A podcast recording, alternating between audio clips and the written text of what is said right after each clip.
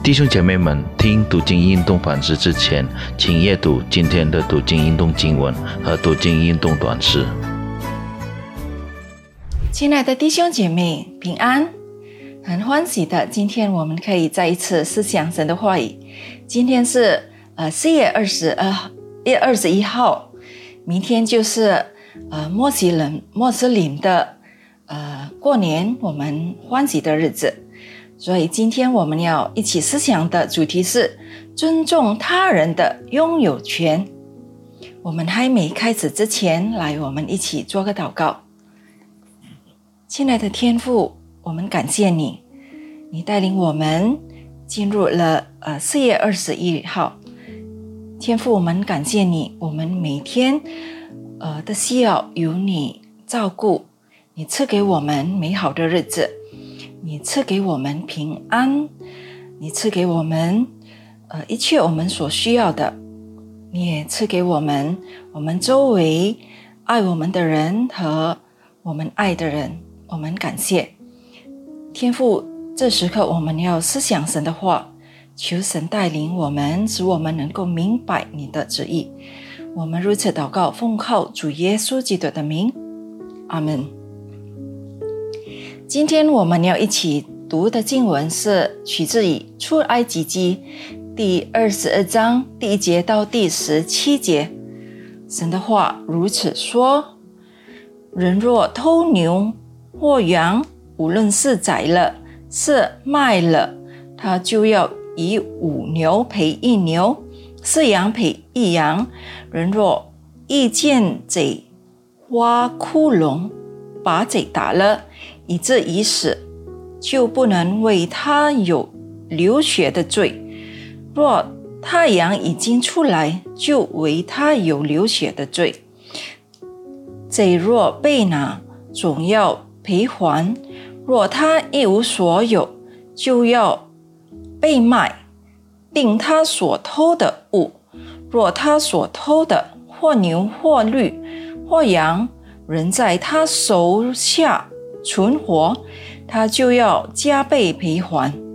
人若在田间或在葡萄园里放牲畜，人品牲畜上别人的田里去吃，就必拿自己田间上好的和葡萄园上好的赔，呃赔还。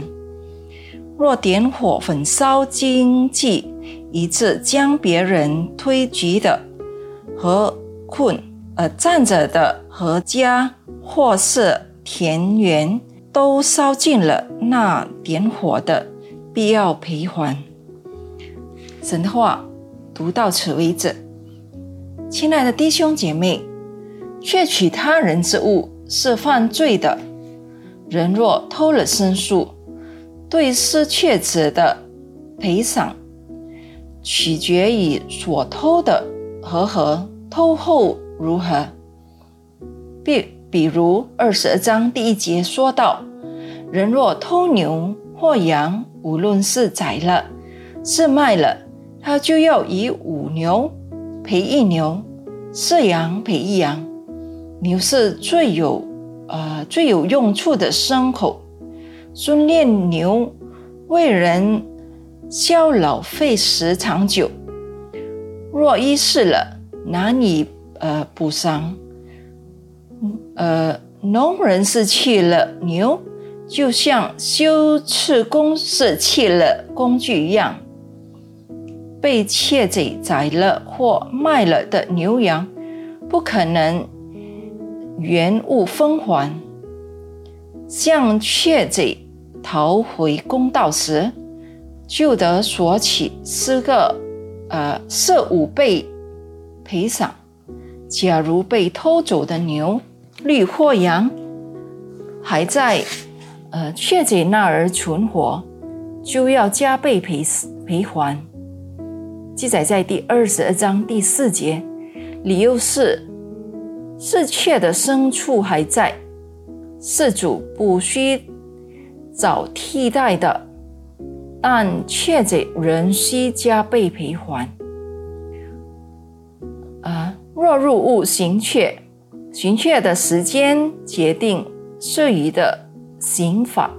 人若遇见这哦挖窟窿，把嘴打了，以这一死，就不能为他有流血的罪。若太阳已经出来，就为他所流的罪。记载在第二十章第二节到第三节上半节。那时，大多房屋是用泥砖砌成的，贼入屋时必须挖窟窿，物主见了就全捍卫其家财。若在不速之客三更半夜擅自入屋，物主不知其其来意，也无暇问起，更不知潜入屋内子有无学待无去。物主为自为而分起，公子群有可可原，此时不能以杀人罪名。起诉物主。若那刻是在百日入物，助吾能辨清，呃，助吾能辨清来客意欲行凶还是行却。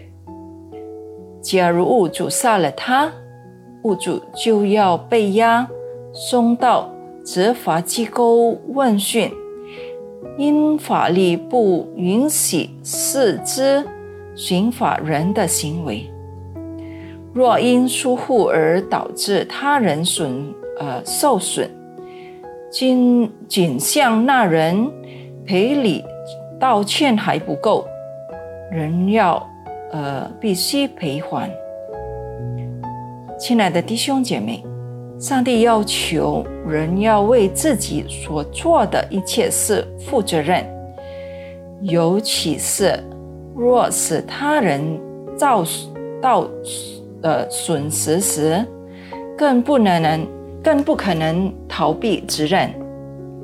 亲爱的弟兄姐妹，你的行为举止是不是表面你尊重他人的拥有权吗？求神帮助我们，来，我们一起祷告。亲爱的天父，我们今天学习到，我们必须尊重他人的拥有权。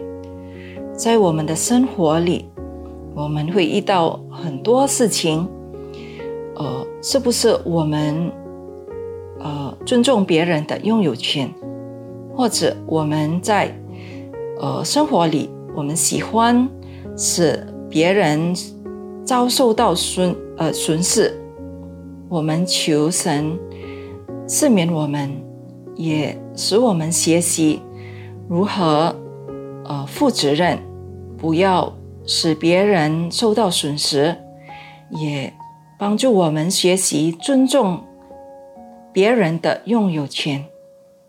谢谢天父，我们如此祈求祷告，是奉告主耶稣基督的名。阿门，亲爱的弟兄姐妹，愿神赐福大家，我们以后再会。